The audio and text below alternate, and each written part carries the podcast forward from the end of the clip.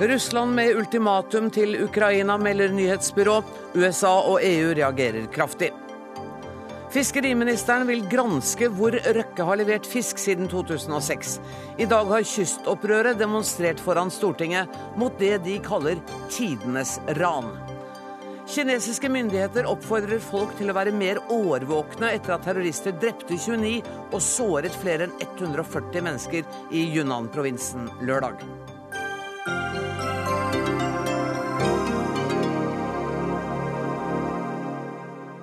Dette er sakene i Dagsnytt 18, der vi også skal møte mannen som eh, vil slå sammen Dagsavisen, Dagbladet, Klassekampen og Morgenbladet. Men aller først. Russland har gitt Ukraina ultimatum med tidsfrist til klokka fire i natt. Det er sjefen for Svartehavsflåten som skal ha sagt dette, ifølge ukrainske nyhetsbyråer. Både USA og EU reagerer skarpt på det som nå skjer, og i dag ble Russlands ambassadør i Norge innkalt til samtaler i Utenriksdepartementet. Utenriksreporter for eh, NRK Jan Espen Kruse, du er på Krimhalvøya. Hvordan er reaksjonene der på dette ultimatumet? Ja, Det er eh, ganske ferskt. Eh, det er neppe alle som har hørt om det ennå her på Krimhalvøya. Men da vi kjørte til bil til Sevastopol i dag, så så vi noen ukrainske soldater som holdt vakt langs veien. Da vi kom tilbake i ettermiddag, var disse soldatene borte. Og Det sier jo litt om situasjonen. Det er klart at det har blitt mye, mye mer dramatisk akkurat nå etter at dette ultimatumet kom. Nå er det ikke lenger snakk om noe dialog, nå er det ren makt som rår her. Men hva, hva er det konkret dette ultimatumet innebærer? Det har vært litt forvirring her hjemme om det. Ja, Sannsynligvis så går det ut på at eh, alle de ukrainske militære på Krimhalvøya må overgi seg til de russiske militære eh, innen klokka fire i natt. Ellers så eh, vil de risikere å bli stormet. Altså, de, det er jo en del militære anlegg, ukrainske militære anlegg som er omringet av russiske soldater og av andre styrker som ikke helt riktig vet hvem er. Så det kan jo altså eh, ende virkelig i en alvorlig situasjon, i et blodbad, eller det kan eh, føre til at ukrainerne rett og slett gir seg, de som er på Krim. Men hvis det ikke gir seg, snakker vi da om at Russland truer med en ren invasjon? Ja, for det, Svartehavsflåten vil vel eh, være i stand til å, å, ta kontrollen. Så Det er såpass masse russiske soldater her nå, enten de kommer fra eh, Svartehavsflåten eller eh, har blitt fraktet inn fra Russland til basene her, eh, at de vil nok kunne kontrollere situasjonen. De, de uh, ukrainske militære som er her, vil neppe ha noe uh, særlig å stille opp med. i hvert fall ikke på sikt. Eh, men det kan jo veldig fort utvikle seg til, eh, til skyting og, og krigshandlinger her. Tusen takk for at du var med oss i Dagsnytt 18, Jan Espen Kruse. Bård Glad Pedersen, du er statssekretær i Utenriksdepartementet. Hvordan tolker dere dette ultimatumet fra Russland? Situasjonen i Ukraina er meget alvorlig. De, eh, den informasjonen som nå kommer og som er eh, ubekrefta, eh, vil være en utvikling i sterkt negativ retning. Men det er ikke bekrefta informasjon enda. Eh, Russlands militære aktivitet på eh, Krimhalvøya og trusselen om bruk av militær makt i Ukraina er brudd på folkeretten. Det er grunnlaget for at eh, Natos råd i går samla seg enstemmig om en sterk uttalelse som slår fast at man fordømmer den militære opptrappinga på Eh, Krimhalvøya, og der man eh, oppfordrer russiske myndigheter til å gå i eh, dialog med ukrainske myndigheter og om å respektere folkeretten og deres internasjonale forpliktelser. I dag har den russiske ambassadøren vært innkalt til møte i Utenriksdepartementet med utenriksministeren. Var du til stede på det møtet? Jeg var ikke til stede på det møtet, men, men du det var vet sikkert hva som skjedde der? Det gjør jeg, og det uh, var naturlig etter uh, at Nato og vi sammen med Nato i går fordømte den militære opptrappinga, og innkalle eh, den russiske ambassadøren til Oslo, til Utenriksdepartementet, for å gi han det direkte budskapet fra utenriksministeren. Hvordan tok han det imot? Ja, Det budskapet tok han til, eh, til etterretning, og det vil helt sikkert bli formidla hjem fra, fra hans side. For oss er det viktig å understreke at Russland må respektere folkeretten og de internasjonale forpliktelsene de har eh, påtatt seg. De har et tungt ansvar nå for å bidra til å roe ned eh, situasjonen. De må respektere eh, Ukrainas eh, grense, eh, Ukrainas integritet. Eh, og de må takke ja til invitasjonen fra Ukraina om en eh, politisk dialog. Men dersom det skulle vise seg at de meldingene om denne, dette ultimatumet er riktige, så gjør de altså det motsatte av det man har oppfordret dem til. Ja, Det er bekymringsfull den informasjonen som nå kommer. Det er ubekrefta eh, fortsatt. og Derfor er det viktig at vi står sammen med allierte og andre land om å gi et veldig tydelig politisk budskap til, eh, til Russland. Eh, at man står opp og støtter Ukraina i den eh, vanskelige situasjonen som landet er i, og at det er Russland som eh, får et tydelig budskap om at det er deres ansvar nå å bidra til å roe ned situasjonen. Vi skal høre hva Åse-Marit Befring, vår europakorrespondent, eh, har å melde. For EUs utenrikspolitiske sjef Catherine Ashton kom til Kiev i dag. Og Åse-Marit, hva gjør hun der? Ja, Catherine Ashton hun reiser til Kiev nå rett etter eh, dette møtet som har eh, vært med EUs utenriksministre i dag. Og Formålet er på den ene siden å fortsette arbeidet med å redde Ukrainas økonomi og presse på at at de politiske prosessene fortsetter til tross for Eh, denne nærmest krigstilstanden i landet. Eh, men Ashton har ennå ikke reist. Det er varslet en pressekonferanse med henne nå klokken seks, eh, der hun kommer til å komme med, med utenriksministrenes synspunkter etter at de nå har sittet i møte i hele dag. Der har de også diskutert denne siste dramatiske utviklingen, og det gjorde at dette møtet varte mye lengre enn planlagt. Har det kommet noe ut fra dette utenriksministermøtet som er, gir noe inntrykk av hva slags reaksjoner de har hatt? Ja, det er eh, kommet eh, eh, altså Det de har gått inn for, er bl.a. Eh, å avbryte disse samtalene som de har hatt med Russland i seks år eh, om eh, visumtilgang til EU-land. Altså Russerne har vært interessert i å kunne få innreise til EU uten visum. og Disse samtalene har pågått over flere år. Nå blir disse avlyst. slik at de har vurdert det som en av de sanksjonsmulighetene de har. Eh, men ellers så har det kommet signaler på at de ønsker å fortsette en diplomatisk linje. Og dette har jo på en måte vært eh, det EU har sagt hele tiden, at, at denne saken kan ikke løses ved ytterligere eskalering. Her må diplomatiet inn. Eh, og det er også fortsatt EUs linje. Vi skal til USA og korrespondent Gro Holm. President Obama har hatt eh, lang telefonsamtale med president Putin i løpet av helgen. Han har tydeligvis ikke nådd helt fram med budskapet sitt? Nei, det har han ikke. Han har snakket med Putin i 90 minutter på lørdag, og Putin insisterte jo da på retten til å bli i Ukraina. Eh, det var ikke så mye Obama kunne stille opp med av trusler, i og med at den militære opsjonen, det å eh, svare med et militært motangrep, det er eh, utelukket for USA, i hvert fall så langt. Så det han sa, var at, at USA kommer til å trekke seg fra forberedelsen til G8-møtet i Sotsji i juni. Han har for øvrig også fått med seg de andre sju eh, vestlige og, og, og, rike landene på det. Eh, men det er nok ikke noe som gjør så veldig inntrykk på, eh, på Putin. Kerry, utenriksministeren, var ute i diverse TV-sendinger i går og kalte det intervensjon, det som nå skjer på Krim. Og sier at dette er et brudd på tidligere løfter som Russland har gitt. Men noe utover det når det gjelder konkrete trusler, har man ikke sett fra amerikansk side. Det er mange som tar til orde for å innføre økonomiske sanksjoner rettet mot enkeltpersoner i den russiske eliten, både den politiske og den økonomiske, men eh, det har så langt ikke den amerikanske administrasjonen gjort. Takk skal du ha, Gro Holm. Tidligere forsvarssjef Sverre Disen, er det intervensjon? Nei, altså det er jo russerne som, eh, som, eh, gjør noe som egentlig er helt forutsigbart. De setter ned håndkanten når de mener, slik de gjorde i Georgia, når de mener at deres helt vitale interesser, og fra deres synspunkt legitime interesser, er eh, truet.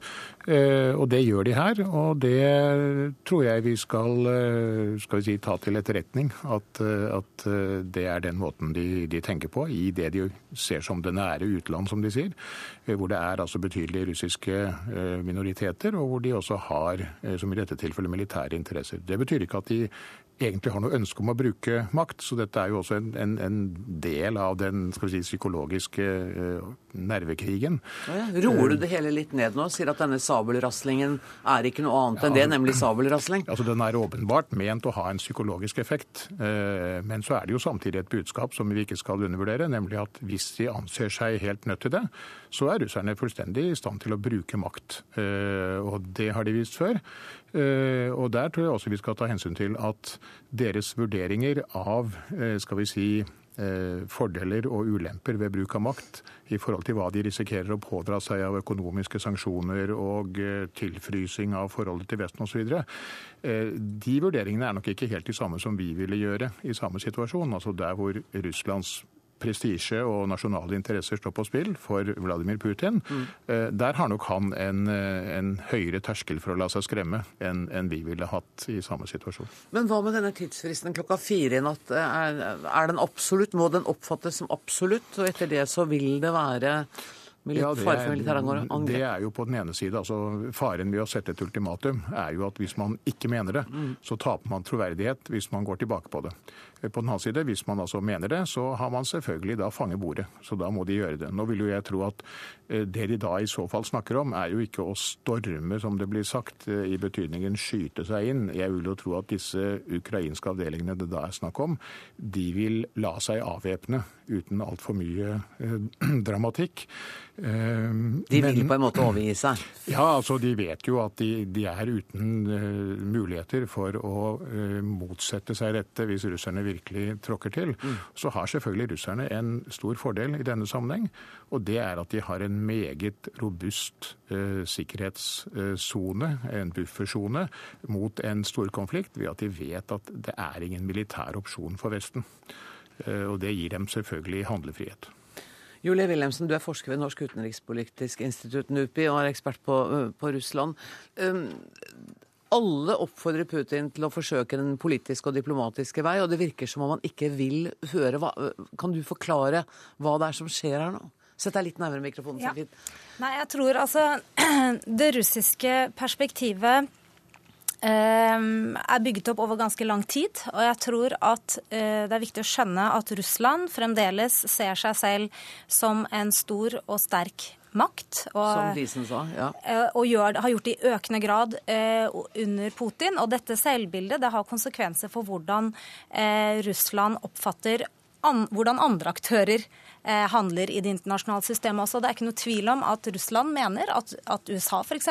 har tatt seg til rette over en årrekke ved å sette folkeretten til side i Kosovo, i Irak, eh, og at det, på tross av at Russland hele tiden sier at det er feil å sitte, sette folkeretten til side, så føler de nå at eh, de får lov å gjøre det samme. Eh, fordi dette er en sak som er så viktig eh, for dem. Og I tillegg så eh, er det slik at dette scenario, altså det Vesten kaller et autoritært og korrupt regime som står overfor en, en demok såkalt demokratisk opposisjon, og som Vesten da går inn og støtter denne opposisjonen og velter regimet, dette er en type praksis som Russland hele veien har uttrykt en stor skepsis til, og som de er redd for skal treffe dem dem selv, tror jeg, det russiske regimet. Er det en begrunnet frykt? Eh, det kan du jo si. Det blir i hvert fall begrunnet når, det, når, de tolker Ukraina inn i dette perspektivet og ser at Janukovitsj står overfor en folkelig opposisjon, og han forsvinner eh, ut av bildet. Så, så dette er eh, Slik ser det ut fra, fra, russisk side. De har ikke noe problem med å legitimere det de gjør, med henvisning til hva andre gjør i det internasjonale systemet. Eh, og dette er en hjertesak for dem. Dette er en eksistensiell eh, trussel hvis Ukraina skulle bli et, et, en antirussisk stat. Mm. Robert Vågan, du er førsteamanuensis ved Høgskolen i Oslo og Akershus um, og har arbeidet mye med, med Russland. Um, og så er Krim igjen et sentralt begrep. Det har det vært tidligere i historien også. Hvorfor er Krim så viktig? Det er veldig viktig for Russland geostrategisk. Eh, vi må huske på at da Russland begynte å gjenvinne områdene østover fra tatarene eh, fra midten av 1500-tallet, så ekspanderte de inn i Sibir og ned i Sentral-Asia. Eh, de tok Krim i 1783, og det har altså vært en flåtebase, en russisk flåtebase der i 230 år. Og det ligger nær 130 000 menn begravet eh, på tre kirkegårder ved Sevastopol. Og disse kjempet på russisk side under Krimkrigen. Eh, I tillegg så, så betyr eh, innsatsen på 1930-tallet, annen verdenskrig, veldig mye. Så russere ser på Krim som sitt område. Og dette at Khrusjtsjov ga det bort i 1954, var en ren arbeidsulykke. Ja, for, fortell om det, for han ga, det rett og slett, han ga rett og slett Krim til Ukraina? Ja, det var i anledning 300-årsjubileet for en eh, traktat fra 1654, eh, da deler av Ukraina tilfalt eh, Russland. Så det var en, en gestus for å feire det 300-årsjubileet.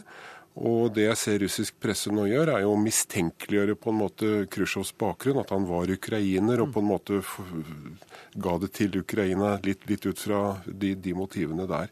Og det var ingen rådslagning om dette. Han sa det nærmest en i en korridor, og det var gjort på 15 minutter. Men, men, det vi ser nå, da, som kanskje kan utvikle seg til en væpnet konflikt, er det rett og slett resultatet av et politisk feilgrep for 60 år siden? Ja, altså Da Sovjetunionen brøt sammen i 91, så kan man si at Jeltsin gjorde den tabben at han ikke prøvde å få Krim tilbake da Ukraina ble, ble selvstendig. Eh, det skjedde jo så mye rart på, i Russland på 1990-tallet. Eh, men russiske myndigheter fastslo allerede i 1992 at, at Krim var gitt bort urettmessig. Mm. Så, så, så, de har hatt det kravet liggende, men har ikke aktivert det før uh, avgangen til Janukovitsj satte dette på spissen. Julie Wilhelmsen, Var det eh, overraskende at det skulle plutselig handle om Krim etter, vi, etter de opptøyene, opprøret vi så i Ukraina og Janukovitsjs fall?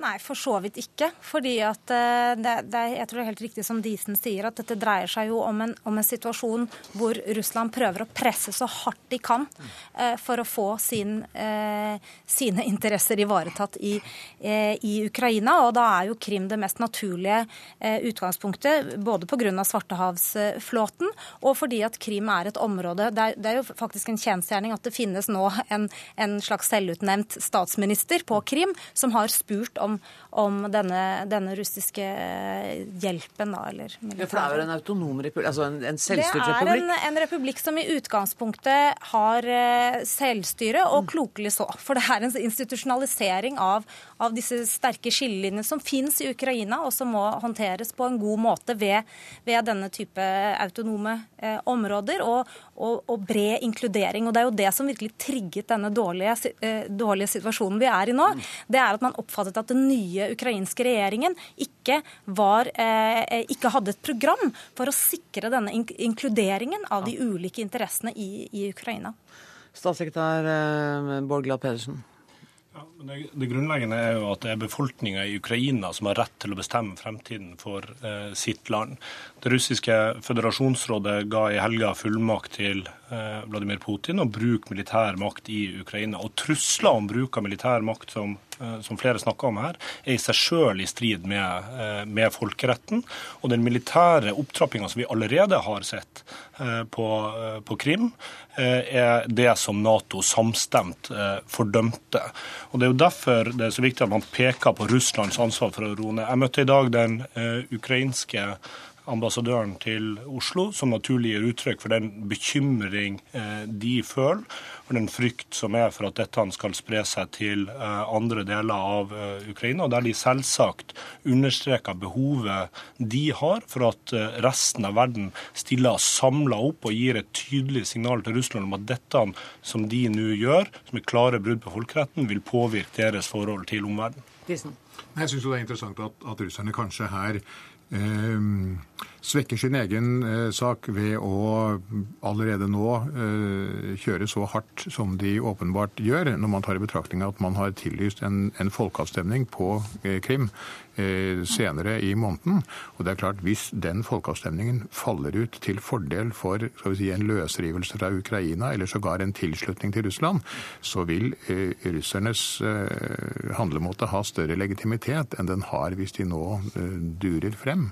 Men, men det i seg selv, at det ikke eh, så å si eh, preger deres handlemåte, er jo en, en, en vars, et varsel om, om, hvordan russerne tenker i disse sammenhenger. Det er altså annerledes enn vi ble gjort. Og så er det viktig å legge merke til at Den ukrainske regjeringa har gitt tydelig signal om at den ønsker eh, politisk dialog, ønsker å respektere rettighetene til etniske og språklige minoriteter eh, i eh, Ukraina, og har vist tilbakeholden. Og Det er viktig at man da gir dem støtte til å videreføre en sånn linje fra deres side. Dissen, helt til slutt. Eh, innebærer det som skjer nå mellom Russland og Ukraina, at eh, USA også skjerper eh, sin årvåkenhet militært?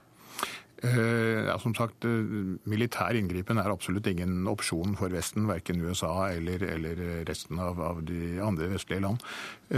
Men det er klart det er interessant, en interessant parallell her mellom den røde linjen som Obama trakk i Syria, og som viste seg å ikke kanskje være fullt så rød allikevel, og det russerne her gjør. Russerne har nok bestemt seg for å demonstrere at de ikke vil gjøre den feilen. Eh, men det er klart, amerikanerne er jo påvirket av dette og vil sikkert følge med, men uten å gripe inn på noen måte.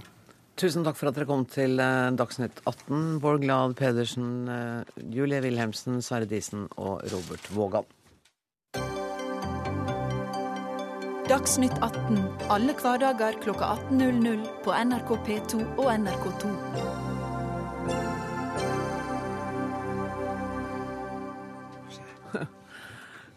I dag demonstrerte folk fra hele Og der blir veldig folksomt i studio her. Fint å se dere alle sammen. Jeg begynner forfra. I dag demonstrerte folk fra hele Nord-Norge mot det de kaller et ran av fiskeressursene i nord. Kjell Inge Røkke med selskapene Norway Seafoods og Havfiske anklages av Kystaksjonen for å ha lurt til seg det de mener er et felles gode, nemlig fisken i havet utafor. Uten å fylle forpliktelsene med å holde liv i fiskeriforedlingsbedriftene på land. Inga Mandal, du er ordfører i Gamvik. Du har, demonstrert foran Stortinget i dag. Denne uka mister 25 mennesker jobben ved Norway Seafoods anlegg i Mehamn fordi driften ikke er lønnsom. Hva har du oppnådd med dagens aksjon? Jeg har oppnådd at eh, riksmedia har satt søkelys på fiskeri. Det er en nasjonal ressurs som er litt for eh, tilfeldig til at det skal seile sin egen sjø. Vi har fått eh, frem et budskap om at det finnes lønnsomhet i å foredle fisken, hvis det finnes vilje for å gjøre det. For det er jo et lite paradoks at dette opprøret kommer nå mens det virkelig koker av fisk i havet. Ja, det er akkurat det vi også syns. Men det har òg med at, at, opprøret kommer, det har litt med at i Mehamn så er aktivitetsplikten eh, fra eh, Røkkes eh, sitt eh, konsern sagt at den ikke finnes. Så det er ikke bare leveringsplikt vi fra Gamvik kommune kjemper for, men vi kjemper sammen med Kystaksjonen for at eh, fisken skal videreforedles i Finnmark, sånn som de forpliktelsene ligger i bunnen. Og der er vi vel ved sakens kjerne. At dere mener at fisken skal det skal foredles i Finnmark, eh, og ikke i Kina eller Chile eller andre steder. Dere var jo også entusiastiske da Røkke kom inn som en frelser. Skulle etablere eh, bedre mottaksmuligheter for, for fisken. Dere inngikk jo Gamvik har jo inngått en avtale med selskapet. Jeg stiller til valg for SV, og SV har ikke vært og tiljuble Røkke sin innkomst i Finnmark. Men da vi så at eh, Røkke kom til å komme dit, så tok Gamvik kommune også imot eh, Røkke. For selv om det var andre kjøpere på bruket. Så vi har eh, vært på en måte tvungen inn i Røkke-systemet. Men vi mener fortsatt at at leveringsforplikten skal overholdes. De samfunnskvotene som er kjempa frem, de er kjempa for at de skal være et supplement til kystflåten. De skal komme med råstoffet til land når kystflåten ikke kan levere pga. vær eller pga. oppfiska kvote. Og da er det poenget at kystflåten går altså nærmere land enn trålerflåten som kan gå mye lenger ut. Du har forstått det riktig. Tusen takk.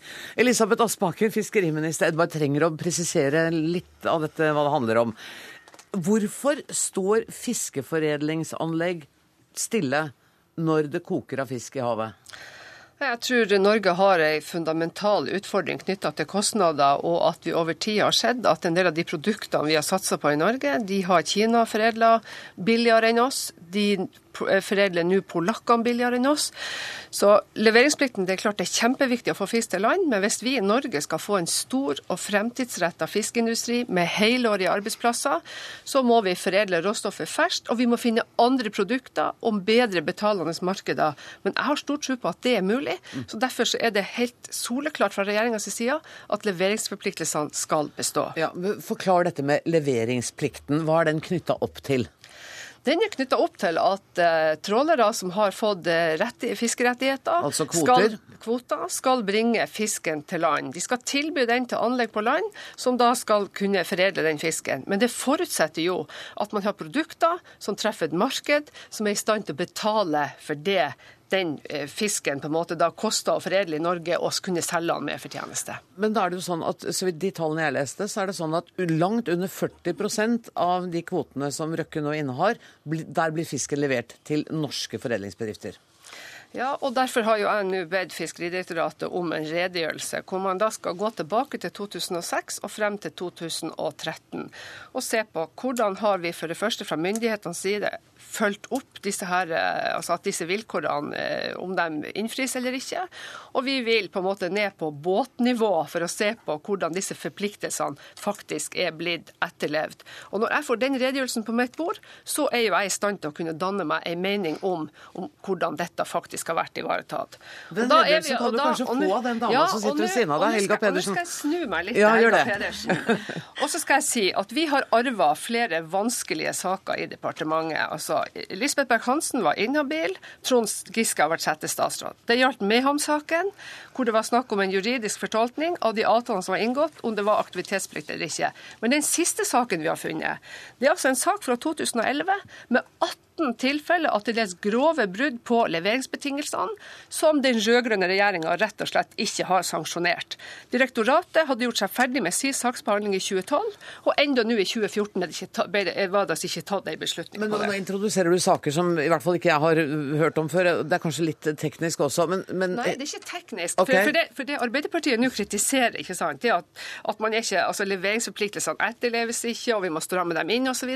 Men de satt sjøl i departementet i 2011 fikk beskjed om at disse bruddene var avdekka, og har altså da ikke gjort noe, gjort noe sanksjoner i forhold til eh, det som da var avdekka. Og det holder ikke mål. Vel, vel. Vi har nå hørt Elisabeth Aspaker si før i dag at den rød-grønne regjeringa gjorde ingenting med leveringsplikten så lenge vi satt i regjering. Det er faktisk feil. Vi stramma inn på leveringsregelverket mens jeg var fiskeriminister i 2006 og 2007. Så så vi, eh, når det var gått noen år, at eh, vi fortsatt var det sånn at leveringsplikten ikke fungerte etter det som var den politiske intensjonen med leveringsplikten. Det trenger ikke vi nye undersøkelser for å slå fast, for det vet vi allerede. Så satte vi i gang et større arbeid med å lage et nytt regelverk. Det kom vi dessverre ikke i mål med, og det skjønner jeg at veldig mange ikke er fornøyd med. Men når Elisabeth Aspaker sitter her og sier at ja da leveringsplikten skal være akkurat som i dag, så er det faktisk i strid med det hun sjøl har varsla Stortinget i skriftlig spørsmål. Der sier hun at i stedet for å knytte leveringsplikten, de leveringspliktige trålkvotene til de enkelte eh, lokalsamfunnene sånn som i dag, så vil hun knytte det til større regioner. Og da er det jo fritt frem eh, for dem som besitter de her trålkvotene, å gjøre akkurat som de vil med strukturen Men er det så mye verre enn det vi ser, i dag, da? Nå er det 25 mennesker i Mehamn som kommer til å få oppsigelse denne uka her. Eh, fisken blir ikke levert. Vi snakker om totalt en milliard tonn hvit fisk.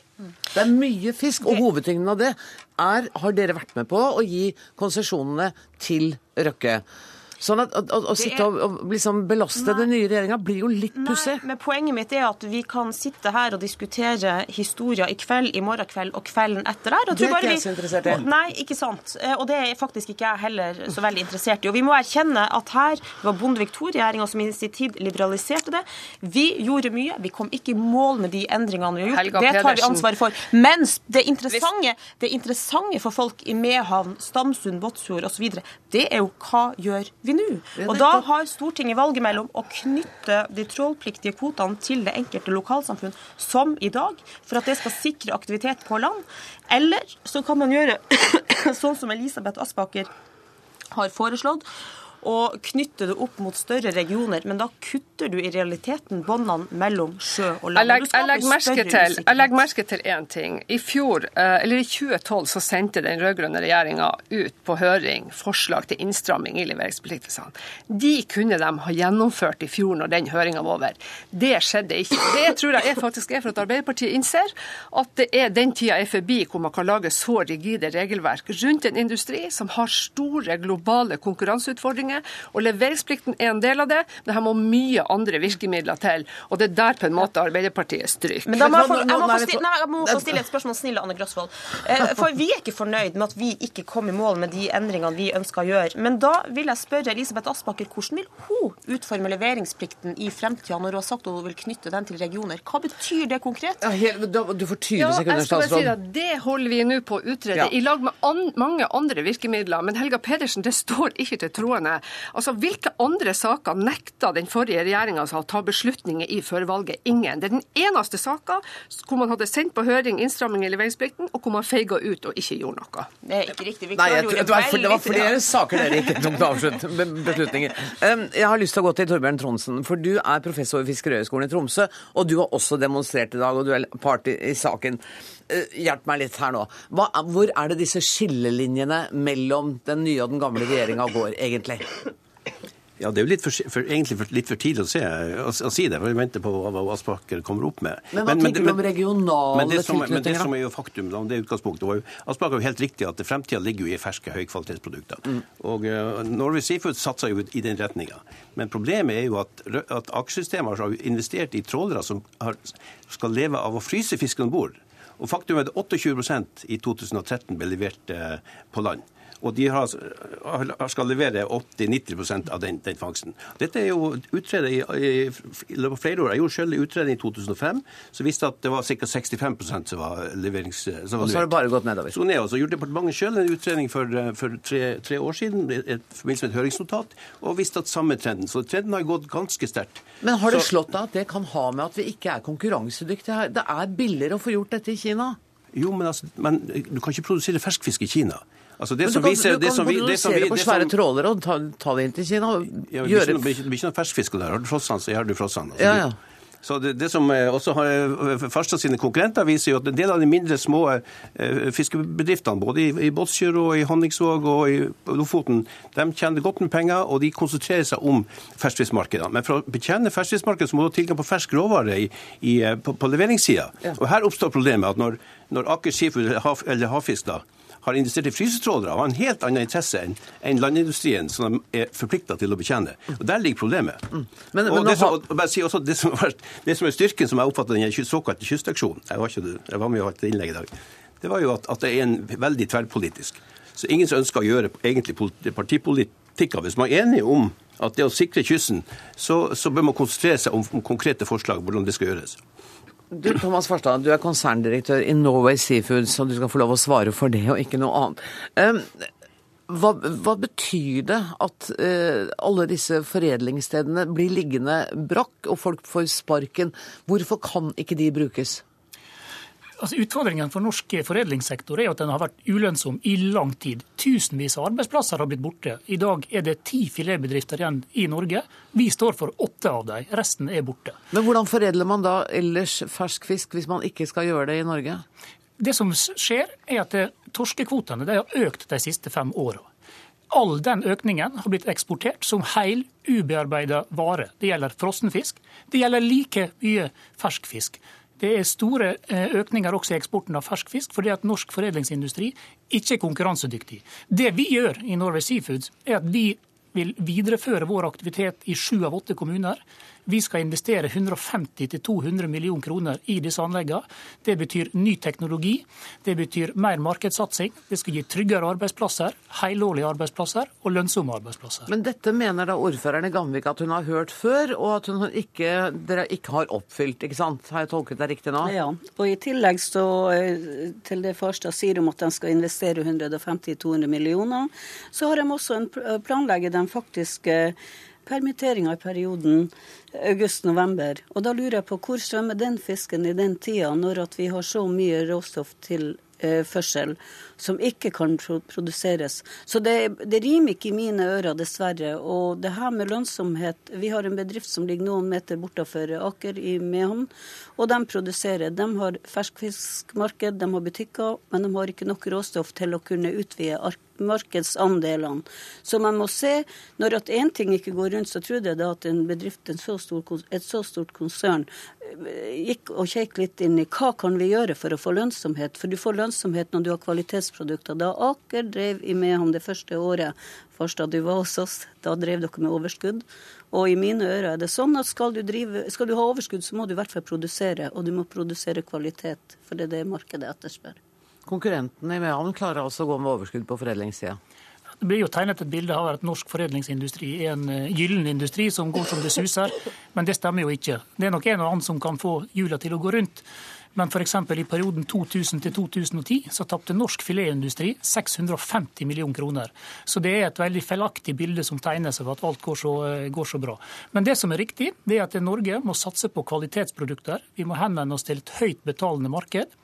Eh, og vi må ha ferske produkter. Utfordringen for norsk fiskerisektor er hovedsakelig at vi fisker altfor mye fra første nyttårsdag til 17. mai, og så fisker vi altfor lite resten av året. F.eks. kystflåten fisket eh, i de fem første månedene 83% av kvotene sine i de første fem månedene. Og Da er ikke Norge i stand til å betjene det høyest betalende markedet, det som vokser raskest, nemlig høykvalitets ferskprodukter. Så det man må gjøre noe med, det er å se på hvilke tiltak som kan bidra til å få et jevnere fiske gjennom året. Fiskeriministeren er nikker her, er du helt ja, enig med Det er jeg helt enig i. Derfor så diskuterer vi jo både hvordan vi kan levende lagre torsk, hvordan vi kan bruke ferskfiskbonuser for å stimulere til at man skal fiske og ferskt og bringe i land ferskt. Og i tillegg så diskuterer vi nå om vi kan flytte kvoteårets start fra 1.1 til 1.9. Veldig teknisk på en måte for mange, det her, men det vil bidra til at du får en jevnere tilgang av råstoff, som igjen er viktig for å kunne betjene disse markedene ute, som Farstad her viser til. Ja, for at Regjeringa må jo i tillegg til å tenke på at man skal tjene penger på, på fisken, også ta distriktspolitiske hensyn. Og et, et samfunn som Mehamn da, eh, har jo ikke så forferdelig mange alternativer. Nei, men Den gode historien er jo også, som ordføreren her er inne på, altså at eh, hvis man legger om produksjonen, hvis vi greier å skaffe oss det ferske råstoffet, hvis vi greier å opparbeide oss disse markedene ute, så er det faktisk liv laga. Jeg er veldig optimistisk, og jeg deler jo ambisjonen til Kystaksjonen fullt ut. Dette er et fantastisk råstoff rett utenfor stuedøra vår. Vi har alle muligheter i Norge for å kunne nyttiggjøre oss det. Og det må være strategien fremover. Helårige, lønnsomme arbeidsplasser i en industri som satser på ferskt, og som treffer markeder ute som er villige til å betale. Men likevel kaller dere dette å bli ranet? Selvfølgelig, fordi at trålkonsesjon skal være et supplement til kystflåten. Trålen skulle levere når ikke kystflåten kan levere. Og da kan vi jo ikke levere på samme tidspunkt. Så det her med hvordan vi skal snu, og hvor vi skal uh, snu kvoteåret, det kan være et uh, uh, ja, noe vi kan se på, i hvert fall. Okay. Men det hjelper ikke så lenge hvis eh, vi går i det samme markedet. Dere produserer også fra den samme kystflåten, og trålfisken går ut, på, ut til Kina. Da kommer, vil det i mine ører være sånn at den fisken kommer jo frossen og annenrangs kvalitet tilbake til det samme markedet som vi skal selge eh, kvalitetsfisk på. Derfor kan det ikke bli riktig. Helga Pedersen, bør disse konsesjonene trekkes tilbake fra disse røkkeselskapene? Vi har jo lagt frem et eh, forslag i Stortinget der vi sier at hvis aktiviteten på land eh, legges ned, i de lokalsamfunnene der det er troll, eh, leveringspliktig trålstoff knytta til, hvis aktiviteten på land legges ned, så bør kvota bli liggende igjen på kaikanten, sånn at noen andre får sjansen til å starte lønnsom videreforedlingsvirksomhet på land. Akkurat sånn, så, sånn som i Mehamn nå, hvor 25 mennesker mister jobben, så bør konsesjonene legges igjen ja. i Mehamn, sånn at andre enn Røkke ja, men, Men det må jo være en misforståelse, for at det er jo leveringsplikten som er viktig. altså At man leverer råstoffet inn til land. Og så altså har Aker Seafood eh, sagt, nei, Norway Seafood sagt at de vil selge fabrikken oppe i Mehamn. Det kan noen andre overta. Men det viktige her er jo at det kommer fisk til land. Og leveringsplikten, den består. Men er det ikke sånn at har vært, man har kommet med fisk som man ikke har fått levert? Altså, det tilbys jo mye fisk i, i, markedet. Det finnes jo mer enn nok fisk i markedet. Men ingen kan kjøpe fisk som man ikke kan skape verdier på. Det er det som er utfordringen. Altså, vi kan også se til Island. Island de eksporterer ingenting eh, halvfabrikater. De har en regel hvis du eksporterer halvfabrikater, så blir du trukket i kvoter. slik at og, de, og I Norge så eksporterer ca. 60% av all torsken går ubearbeidet ut. Men på Island er omtrent null. Og De lager hard filetindustri, og de har en ferskindustri, og det er også frossen filetindustri. Og Da har du et laget system som gjør at du presser fisken gjennom industrien. Og du stimulerer du kreativiteten, ikke minst industrien. For hvordan skal vi skape lønnsomhet eh, i dette her? Ja, nettopp. Og det er jo det spørsmålet som Thomas Farstad må være opptatt av. For dere skal jo tjene penger. Det er vi nødt til. Og Fiskeribladet Fiskaren, som er en avis for for sektoren har nylig publisert analyser som viser at Norge tap, taper 4 milliarder i, i verdiskapning ved at vi ikke har organisert oss på en hensiktsmessig måte. Og Der ligger den store utfordringen for hele sektoren. Men, men kan dere da bidra med omorganisering i stedet for å bare trekke dere ut og legge ned? Eh, det er ikke vi som setter rammevilkårene, det er politikerne som gjør det. Og vi får forholde oss til de som blir satt. Jo, men Diskusjonen her er jo om Trollflåten fryser jo fisken. Fisken tilpasses ikke det ferske markedet. Fisken går en helt annen vei enn det som vi snakker om utfordringer på kysten. Så det er jo samspillet mellom fangst og produksjon som er den store utfordringen her. Mm. Og Der er den største utfordringa hvordan man får samspillet mellom både den kystgående flåten, mm. den trålgående flåten og industrien og mm. markedet til å henge sammen. Mm. I dag er det sånn at det, det fiskes altfor mye i en periode, og så er det altfor lite i en annen periode. Inga Banvold, ble du oppmuntret av denne samtalen her? Nei, Jeg har hørt det meste før, så det, jeg venter å se på resultatene. Og det tror at vi med Kystaksjonen i dag, med det forslaget SV har levert inn i Stortinget, og samme har eh, Arbeiderpartiet, Senterpartiet, og jeg håper at det som det kommer ut av, ikke, ikke, politisk prat på et høyt nivå som ingen skjønner. Vi vil ha handlinger, vi vil ha arbeidsplassene, vi vil trygge lokalsamfunnene. Vi har oppfylt våre forpliktelser til de som har kommet og sagt at de skal jobbe. Og vi sitter og venter på resultatene, og vi kommer tilbake med et kampfly senere hvis ikke det her går. Nok et kampfly til hovedsalen hvis ikke dette går, og mer demonstrasjoner. Jeg bruker ikke det, men jeg sier tusen takk for at dere kom. Helga Pedersen, Elisabeth Aspaker. Thomas Farstad, Torbjørn Tronsen og Inga Mandal.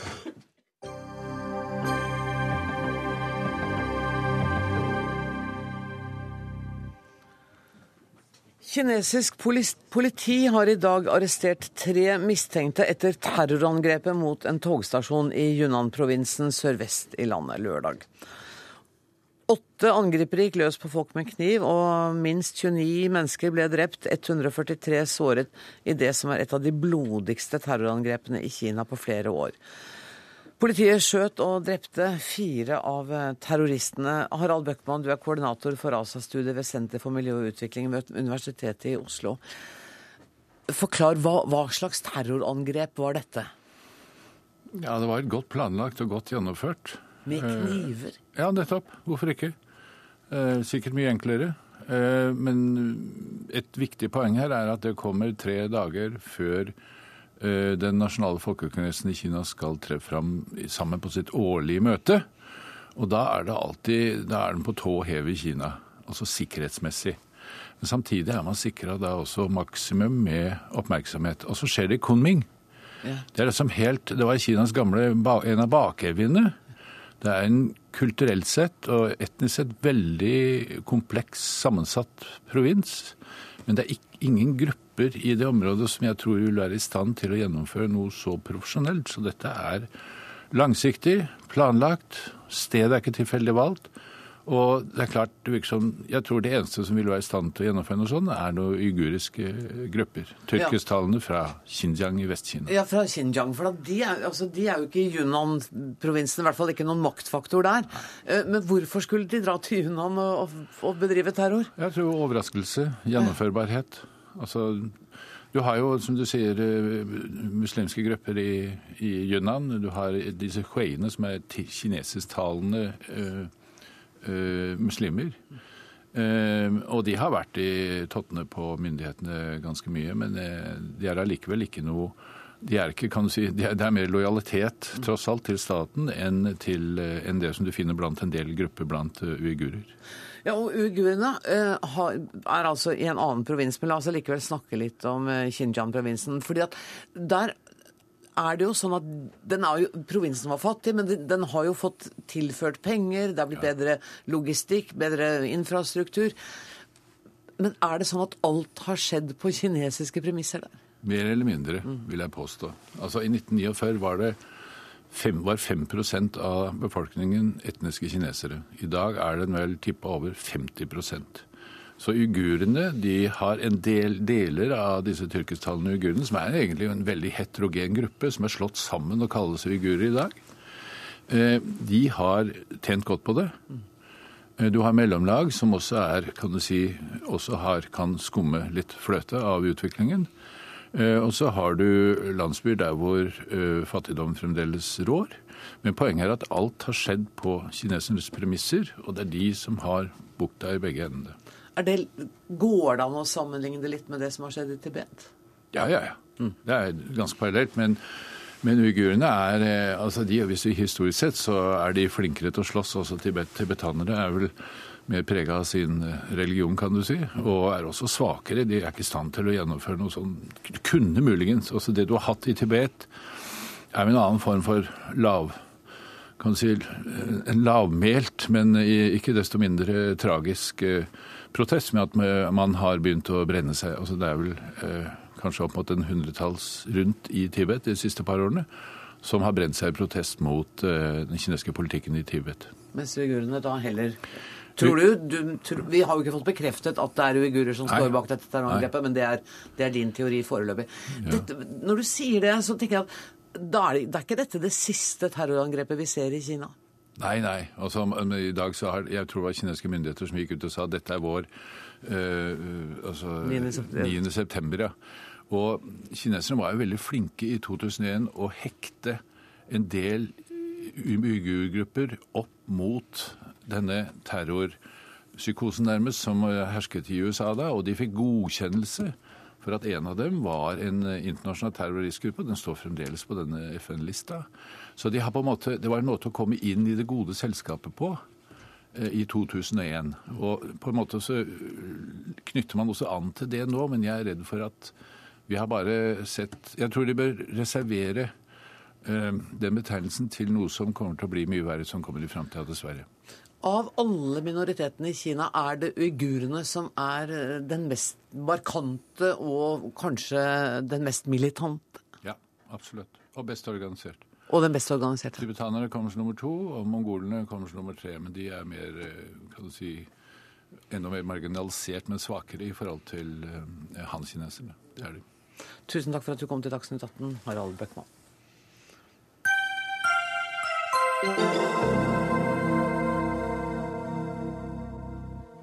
De er mange, men de er for små. Ja, jeg snakker om norske aviser. Om Dagbladet, Dagsavisen, Morgenbladet og Klassekampen. De bør slå sammen og bli en slagkraftig storavis. Det skriver samfunnsgeograf Tor Egil Brodland i en kronikk på NRK Ytring. Og Brodland, hvordan ser du for deg en sammenslått avis av jeg bare gjentar jeg, Dagbladet, Dagsavisen, Morgenbladet og Klassekampen? Det blir en knallbra avis som eh, kan gi leserne litt eh, dempa dramaturgi, som kan gi dem nyhetssaker, gi dem gode dybdeartikler, utfordre dem intellektuelt og skape debatt, sette dagsorden. Det kan bli en avis som kan bli venstresidas svar på Aftenposten, som har, et stort, eh, som har stort opplag, mange dyktige journalister, og som fyller hele, hele skal si, det, det, et stort journalistisk rom. Da. Ja, for du sier at eh, Svakheten deres nå er at de på en måte henvender seg til den samme lesegruppa. Eh, høyt utdanna folk, intellektuelle, eh, med sans for fellesskapsløsninger. Ja, fellesskapsorienterte Ja. venstriste, utvida venstresida. Det er klart, Morgenbladet er ikke sikkert de kjenner seg igjen i det, men, Nei, eh, jeg men det kan vi diskutere etter hvert. Jeg, jeg tror at eh, mange lesere vil, vil, eh, vil synes at det var en god idé, framfor at det- du har nå på, på det, det vi kan kalle den utvida venstresida, er fire aviser som, som slåss om de samme leserne, og, og som på en måte spiser hverandre litt opp, og som ikke, i beste fall ikke klarer å, å vokse. Vi ser Dagsavisen sliter med opplaget, de går nedover, Dagbladet går nedover. Eh, og, og, og, summen av, disse fire avisene nevnt nå er ikke engang til sammen like stor som Aftenposten. Så jeg tror at hvis vi kunne komme opp dit, så hadde de hatt en, en plattform for å, jobbe, jobbe uten bra, en stor bra avis. Bjørgulf Bronnen, du er med oss på telefon, redaktør i Klassekampen. Besnærende tanke, dette her, eller? Ja, veldig morsom og spennende tanke, det må jeg si. Men du høres ikke ut som du tar det helt på alvor. Ja, 160 000 opplegg, hva er det det blir? Det Nei, jeg da kan dere få 210 000, altså da kan dere konkurrere med Aftenposten, for de har 210 000 alene nå, mens dere til sammen har 160 000. 160, ja. Da blir jeg litt igjen, da, før vi er like store. Men nei, jeg syns det er spennende. Jeg blir gjerne med i samtaler om det. Men det er et eller annet med at aviser er vokst fram av historien. og forhold til leserne også er det. Sånn at det er ikke bare å regne sammen opplag, og så får du en avis som, som er så stor.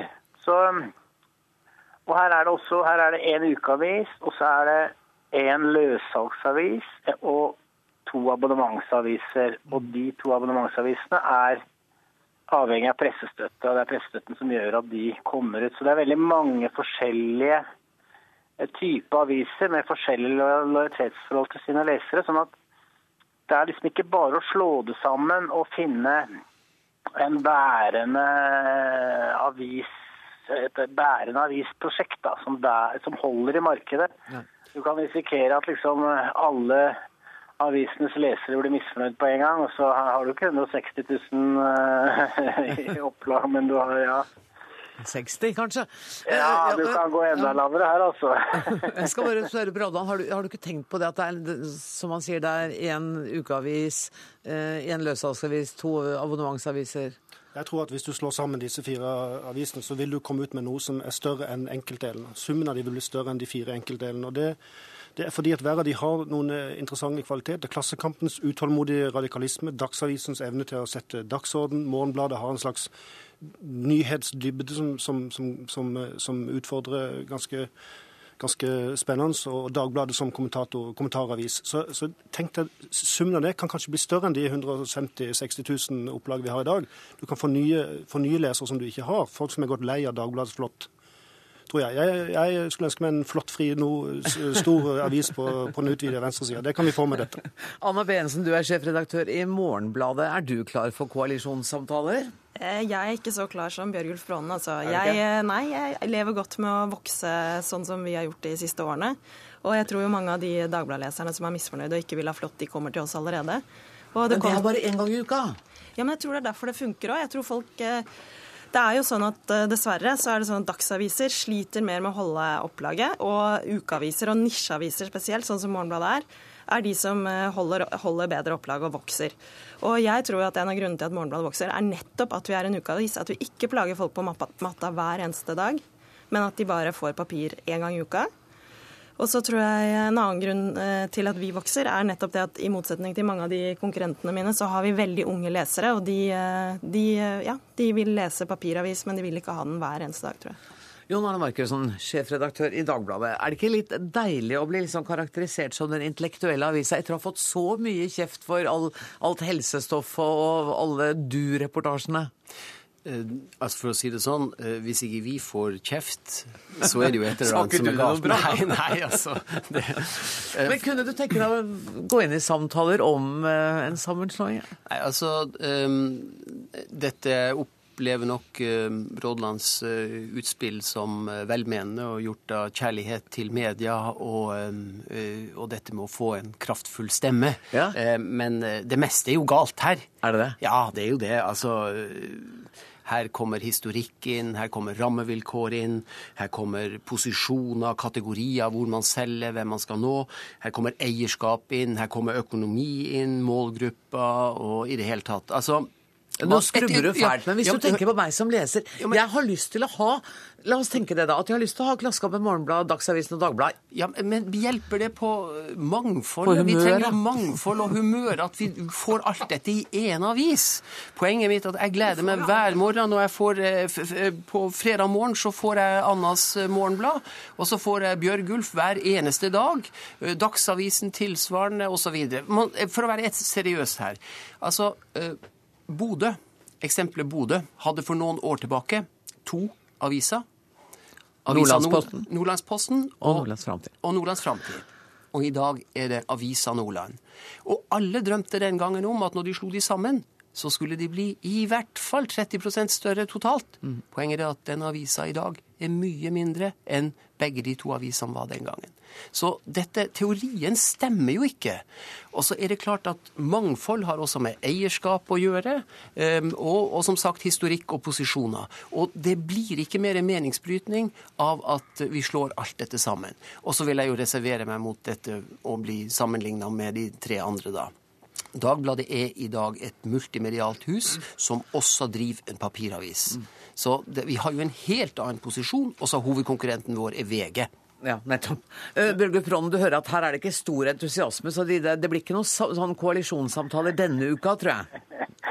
Nei, det var litt negativt, syns jeg. Jeg syns det er moro å kunne sette seg rundt et bord og ta en øl og snakke litt mer om dette, syns jeg. Så det siste tror jeg ingen av de tilstedeværende har noe imot, men, men, men derfra til, til, å lage en fellesavis tror jeg det er et stykke. Du må ikke skyte ned alt med en gang.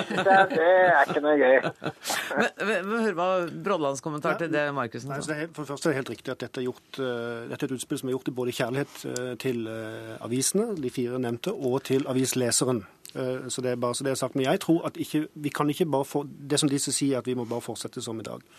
Jeg tror ikke det. Jeg tror, eh, Selv om Morgenbladet vokser, det, så det er veldig bra, så er de tross alt de har 30 000 i opplag. Det er en, det er en regionavisstørrelse. Klassekampen vokser også. De har 17 000. Det er samme som Fredrikstad Blad. Dagbladet har mista to av tre lesere siden sin, sitt høydepunkt. Det har også Dagsavisen. Jo, men så du tror... hørte, så er Dagbladet et multimediehus som, som også utgir en det, papiravis? Det, det, er klart, men nå diskuterer vi ja. avisene ja. nå, da. Så det men for oss er det umulig å diskutere dette separat. Mm. Det er så integrert i hverandre. Men, men for, å ha, for, å ha, en ordentlig nettsatsing, så trenger du også ganske mye penger. Mm. Og, og, det er klart at fire aviser hver for seg, eller én avis sammen, de fire sammen, kunne også sier også noe interessant om hvor mye du kan få til på nett, tror jeg da. Ja, kanskje det. Ja, nå har jo vi eh, fått nye eiere som eh, vi håper skal hjelpe oss å bli litt mer digitale i Morgenbladet. Men eh, jeg tenkte historisk så er det litt interessant, for vi i Dagsavisen, som den gang het Arbeiderbladet, og Morgenbladet liker jo veldig mm. godt å minne om da, grunnen til at Aftenposten er så stor avis. Og det er jo at både Morgenbladet og Dagsavisen gikk jo inn under andre verdenskrig, mens Aftenposten fortsatte å komme ut. Og siden har i hvert fall Morgenbladets opplag aldri kommet seg opp på samme nivå. så jeg tenker at eh, hvis man trenger en krig for å bli størst i Oslo, så tror jeg ikke vi vil eh, ha det. Ja, nå er Dagsavisen ikke til, til stede her, men, men eh, kan, er, det, er, det, liksom bare feil å tenke at vi trenger færre aviser i dette landet? Altså, den gangen jeg tok utdannelsen, så het det at Norge, var liksom, Norge var det landet med flest aviser. Eh, og da, altså For så mange år siden så drev man også og diskuterte om vi ikke skulle redusere antallet. Nå har det vel skjedd en viss reduksjon. Men vi er jo ikke akkurat på minussida ennå? Nei, det er vi ikke. Men du vet også når du snakker om disse fire avisene, så når det gjelder f.eks. pressestøtteordningen altså Bjørgulf vil jo egentlig ikke ha Dagbladet inn for å være med og dele på de pengene. Og vi får jo ikke pressestøtte i dag. Eh, så, så det er jo, det er jo, rammevilkårene er jo helt avgjørende hvis også her. Så nei, altså eh, eh, Det er titalls millioner momsfritak. Ja, men der er jeg helt For å si det sånn, det er, det er typisk Altså det er en del som argumenterer med at fritak fra moms, det er på en måte en slags subsidie, eh, for å si det sånn. Det at Dette har man en lang historikk for. Vi skal ikke ha skatt på ordet i Norge, og det er min og vår posisjon. Eh, slik, og det betyr ikke at man får subsidier om man ikke betaler moms. Men hvis vi ikke snakker så mye om historikken og om penga, men om leseren, kunne man tenke seg at det ville bli en skarpere, mer slagkraftig og interessant avis? vi, vi har altfor ulike posisjoner. Og for å si det slik som våre lesere, dette har jo med målgruppe å gjøre, og hvem man henvender seg til. Vi er jo et allment produkt som kommer ut hver dag og møter nå folk på ulike plattformer. Sånn at vårt utgangspunkt er et annet enn de andre. Jeg tror ikke man ville få en skarpere avis nødvendigvis av at den ble større. fordi eh, nisjeavisenes styrke er jo nettopp det at vi er spisse og frekkere ofte enn det de store avisene er. Eh, og, hva, og Det må på en måte være siste ordet i uh, denne sendinga, fordi at den er rett og slett uh, slutt. Dagsnytt 18 er over. Jeg må si takk til uh, Tor Brodland, Bjørn, Bjørgulf Braanen, Anna Jensen og til Jon Arne Markussen. Og jeg heter Anne Grosvold. Vi høres i morgen. Takk for nå.